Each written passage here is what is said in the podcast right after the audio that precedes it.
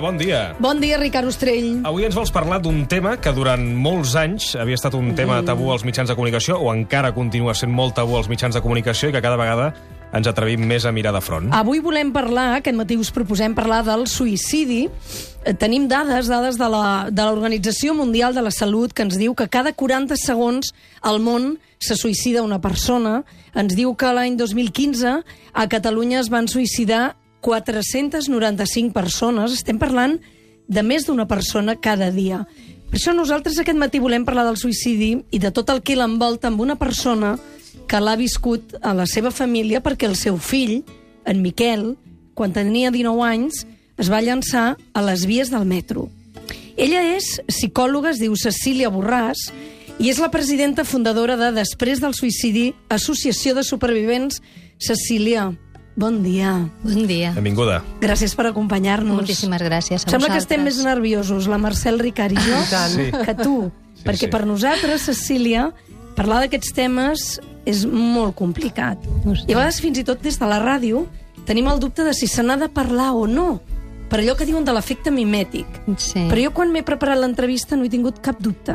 Sí. N'hem de parlar. I tant. I tant que n'hem de parlar, perquè no parlar és obviar un problema de salut, un, una situació que ens afecta a tots i ens interpel·la, com socialment, de que, escolta, tenim un problema greu, és la primera causa de mort no natural a Catalunya i a tot l'Estat. Per tant, hem de canviar les, les nostres creences limitadores entorn a el que suposa que una persona eh, mori per suïcidi.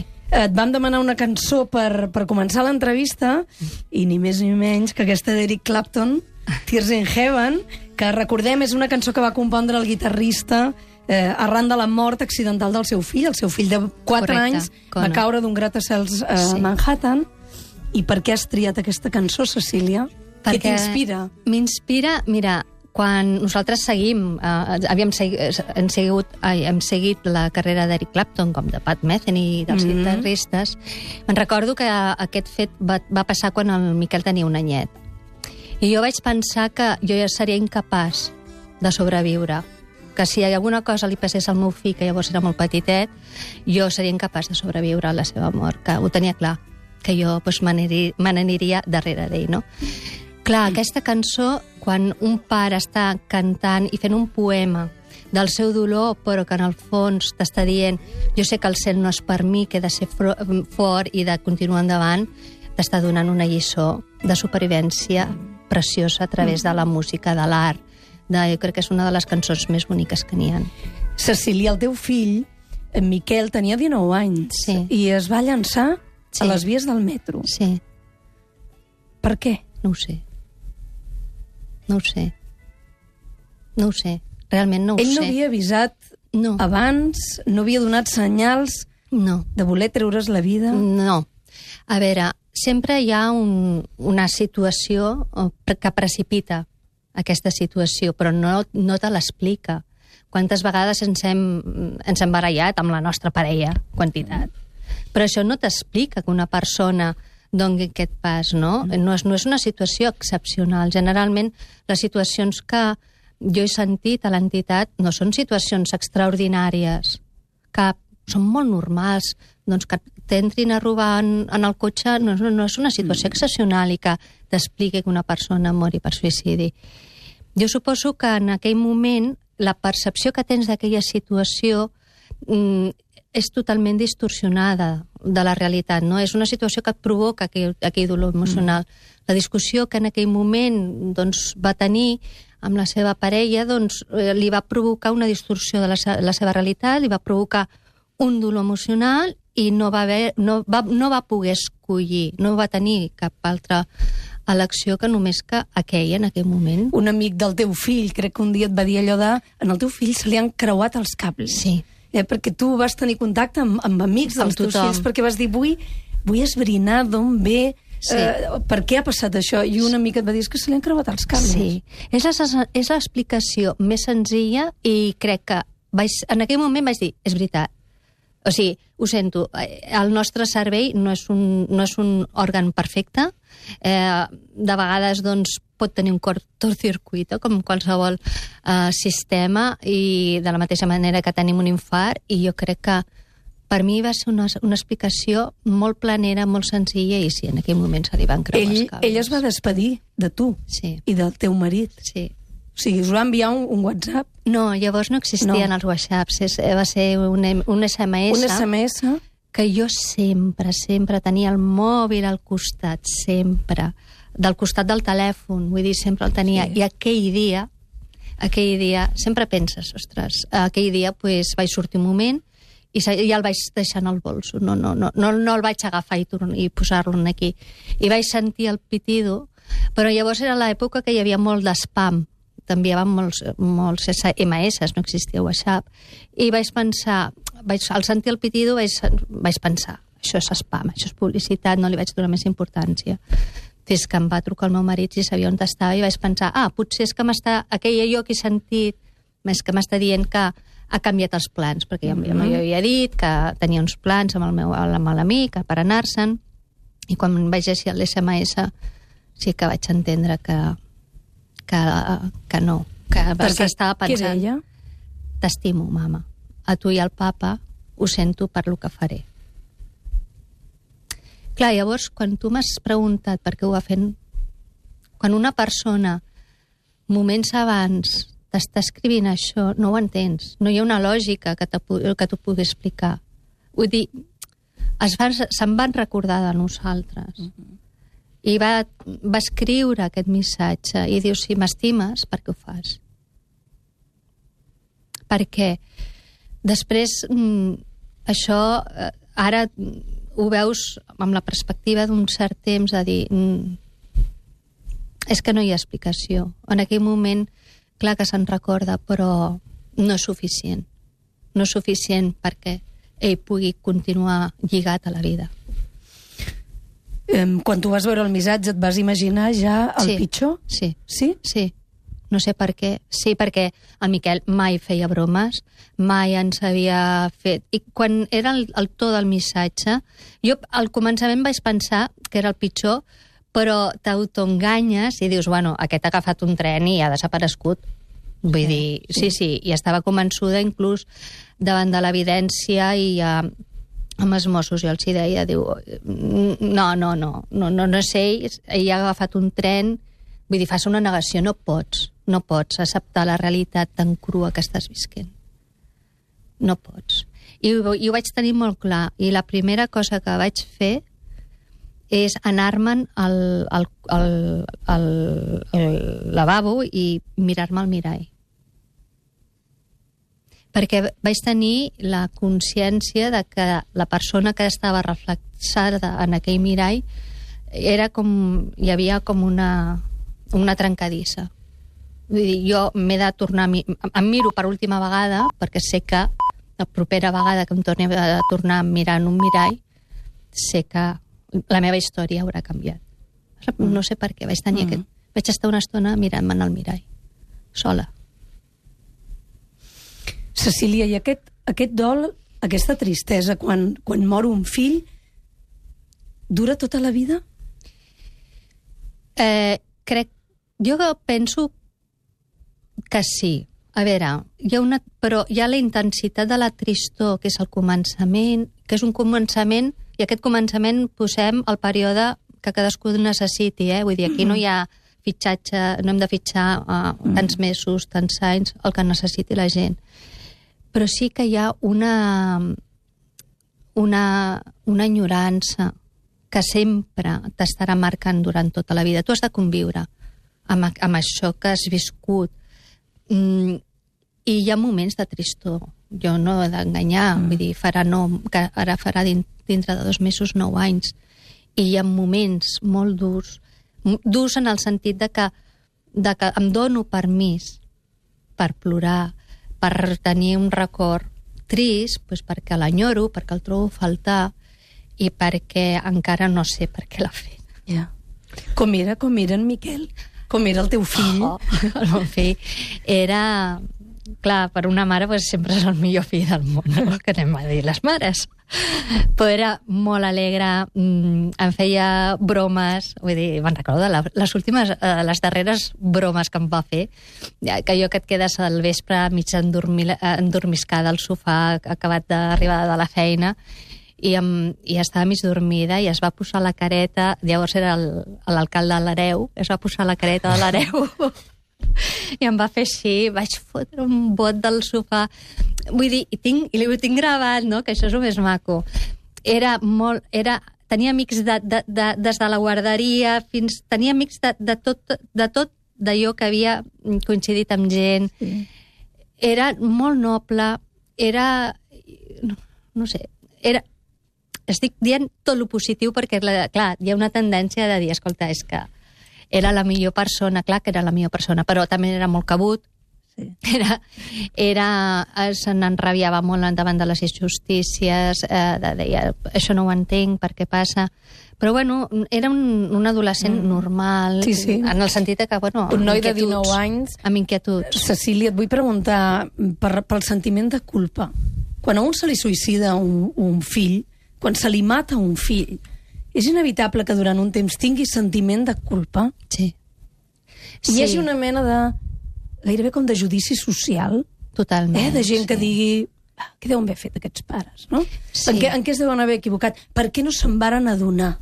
Sí, sí, a veure, és, mm, jo penso que, clar, eh, la persona que mor per suïcidi, mm, un acte íntim de morir és públic, amb la qual cosa també fa públic allò que el suïcidi té d'estigmatitzant, no?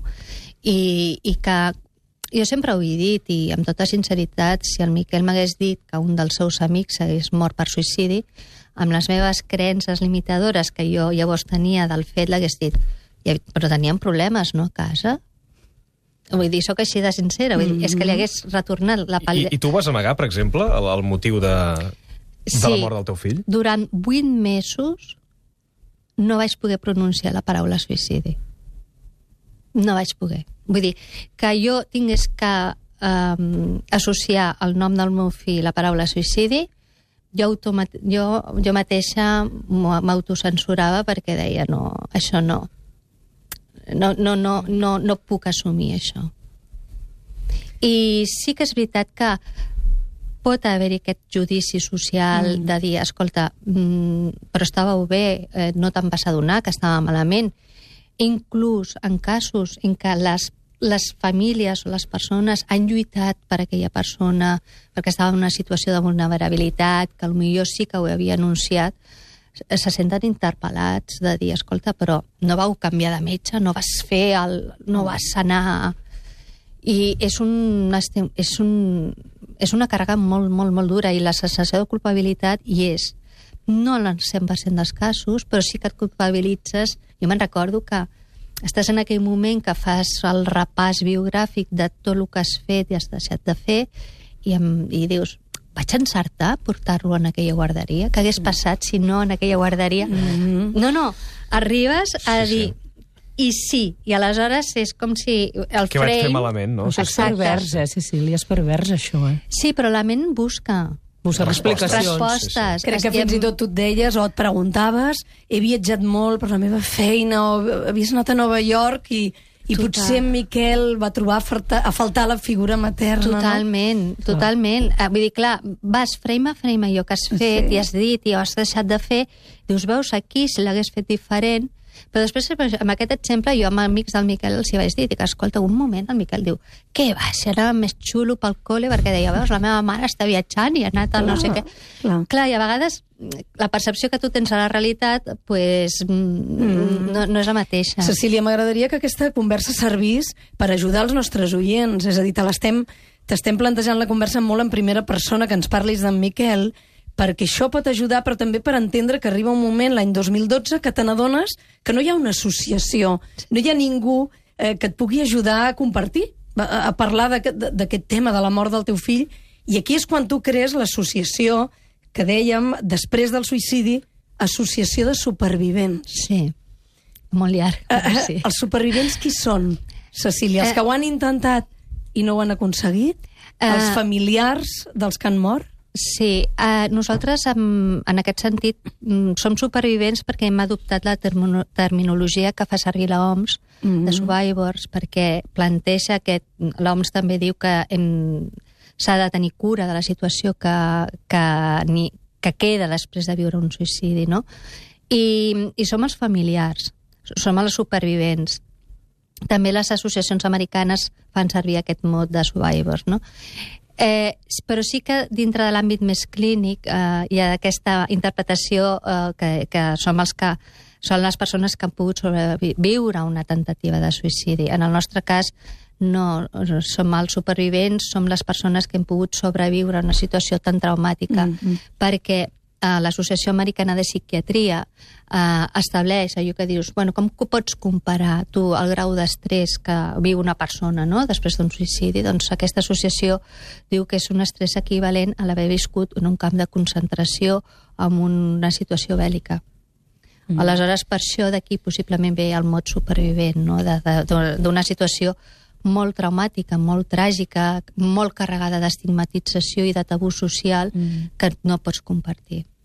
I és aquí quan me n'adono que mm.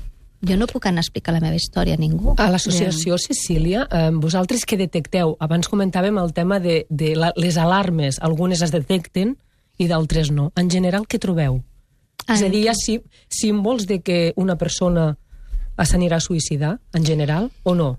Eh, sí, a veure, sempre hi ha... eh, Clar, mm, això dependrà. Cada cas és molt, molt... Cada cas és únic, malgrat que puguem estar parlant del suïcidi en general, mm. t'has de centrar molt a la... perquè cada cas és diferent, és únic. Hi han senyals de que, evidentment, poden ser verbals, de que ho pugui haver eh, eh, dit, que a vegades són senyals que poden passar desapercebudes doncs perquè no els hi fas cas, perquè penses que, malgrat ho hagi dit, no serà capaç de fer-ho, mm. però també hi ha les senyals de conducta no verbal, que són petites mm, conductes que després dones i te, agafen sentit pues allò, no?, que me'n recordo d'un cas que anava apuntant la numeració de capses amb pòsits en els armaris, no?, i tothom va pensar potser és que té pèrdues de memòria, i és que s'està apuntant, no? I, bueno, són petites detalls que poden passar molt des desapercebuts, que no són... Però i el detall que volia dir? Una persona que s'estava despedint, estava... Sí, que estava preparant. Preparant la vida per quan no hi fos. Sí. Uh -huh. I aleshores, clar, sí que mm, quan has viscut hi han certes conductes que et careixen el significat o, o, Home, o l'alarma. Poden ser conductes clar. fins i tot positives, és a dir, que hi, que hi hagi un fill que mai llegit t'estimula la seva mare, que de cop i volta sí li digui t'estimo, sí. seria, seria això un avís, no? Sí, sí, sí. Eh, sí, t'estimo... Vull que sàpigues que t'estimo molt no? És una de les frases que a vegades... Pues, sí, és una manera de no culpabilitzar els pares, que... és una manera de dir jo us estimo molt, sí. malgrat... No és culpa vostra. Aquest amor no és culpa mm. vostra, malgrat això, me'n vaig.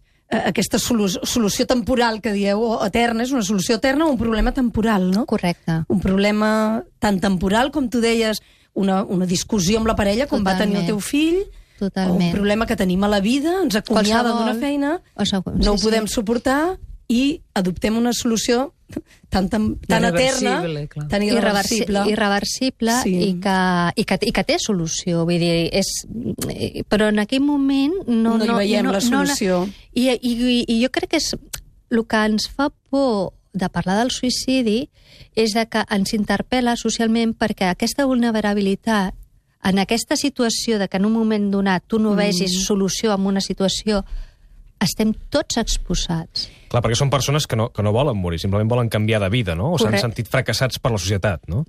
Sí, a veure, el que tenen és un patiment emocional enorme. Jo crec que no, no podem eh, ni imaginar-los perquè afortunadament no hem arribat a aquest extrem i voldrien canviar alguna cosa però no en saben, però no, no hi, poden. hi ha un culpable, que és la societat, en això.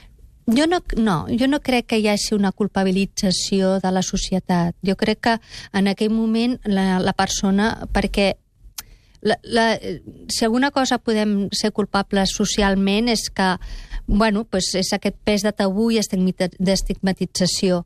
Mm. Però no, no, no, no crec que hi hagi un pes de culpabilitat social. Jo crec que tots som responsables en que fomentem el poder parlar sí. sense estigma, amb una, la normalitat mm. que estem parlant avui. Cecília, per tu la música és molt important, ens ho has dit, hem començat amb aquell Tears in Heaven, i acabem amb aquest tema, el podem dedicar al teu fill, I al teu estimat fill Miquel. Corren, corren pels carrers, corren, paraules que no s'esborren, imatges que no se'n van. És aquest corren de gossos que a tu t'agrada. Per què? Eh, Què ens vols dir amb aquesta cançó? Amb, aquestes cançó, amb aquesta cançó ara mateix estic veient els darrers dies del Miquel perquè em, va ser de les darreres música... Bueno, va ser que sortís aquest tema de gossos i el Miquel tenia la costum... Ell sempre treballava amb l'ordinador i música i l'estic veient ara sentat al menjador de casa amb, amb, amb gossos, amb aquesta cançó a tota pastilla i fent, vull dir, i treballava. A què es volia dedicar, el Miquel? Ella estava fent mm, disseny gràfic a l'escola Lissava i volia ser eh, dissenyador de 3D. Ho tenia molt clar i, i ho feia molt bé i, i la veritat és que mm, havia, tret molt, havia fet el primer trimestre i és que estava tot bé, és que si em diguessis no, és que jo el, el dia abans estava parlant amb ell, em va ajudar a fer el sopar i hi havia aquesta vida de futur, però bueno, On sigui en Miquel li diem que té una mare fantàstica, eh? Sí. Que pot estar-ne molt orgullós. Moltes gràcies. Jo crec que... I molt valenta, molt valenta. No, no, no ho sé, jo crec que tots som petits, tots tenim un petit valent a dins, no?, per, a, per fer front en el nostre dia a dia, que ja és prou dificultós, i, bueno, i cadascú, doncs, sabem el que ens toca viure i, i ja està. El meu es veu una miqueta més que el dels altres, però Cecília, mo moltíssimes gràcies, de veritat. a vosaltres. I ja m'ha fins la setmana que ve. Fins la setmana que ve. Bon cap de setmana. Fem una Adéu. pausa i ara tornem.